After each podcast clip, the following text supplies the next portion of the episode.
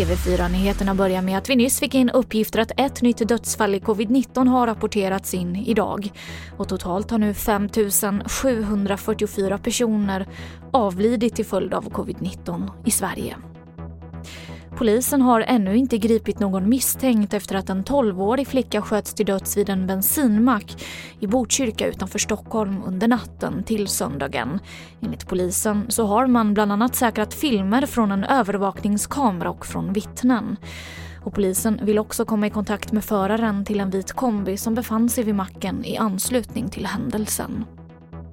Den 55-årige man som tros vara kidnappad i Karlskrona har ännu inte hittats och nu har polisen beslagtagit en båt med koppling till ärendet.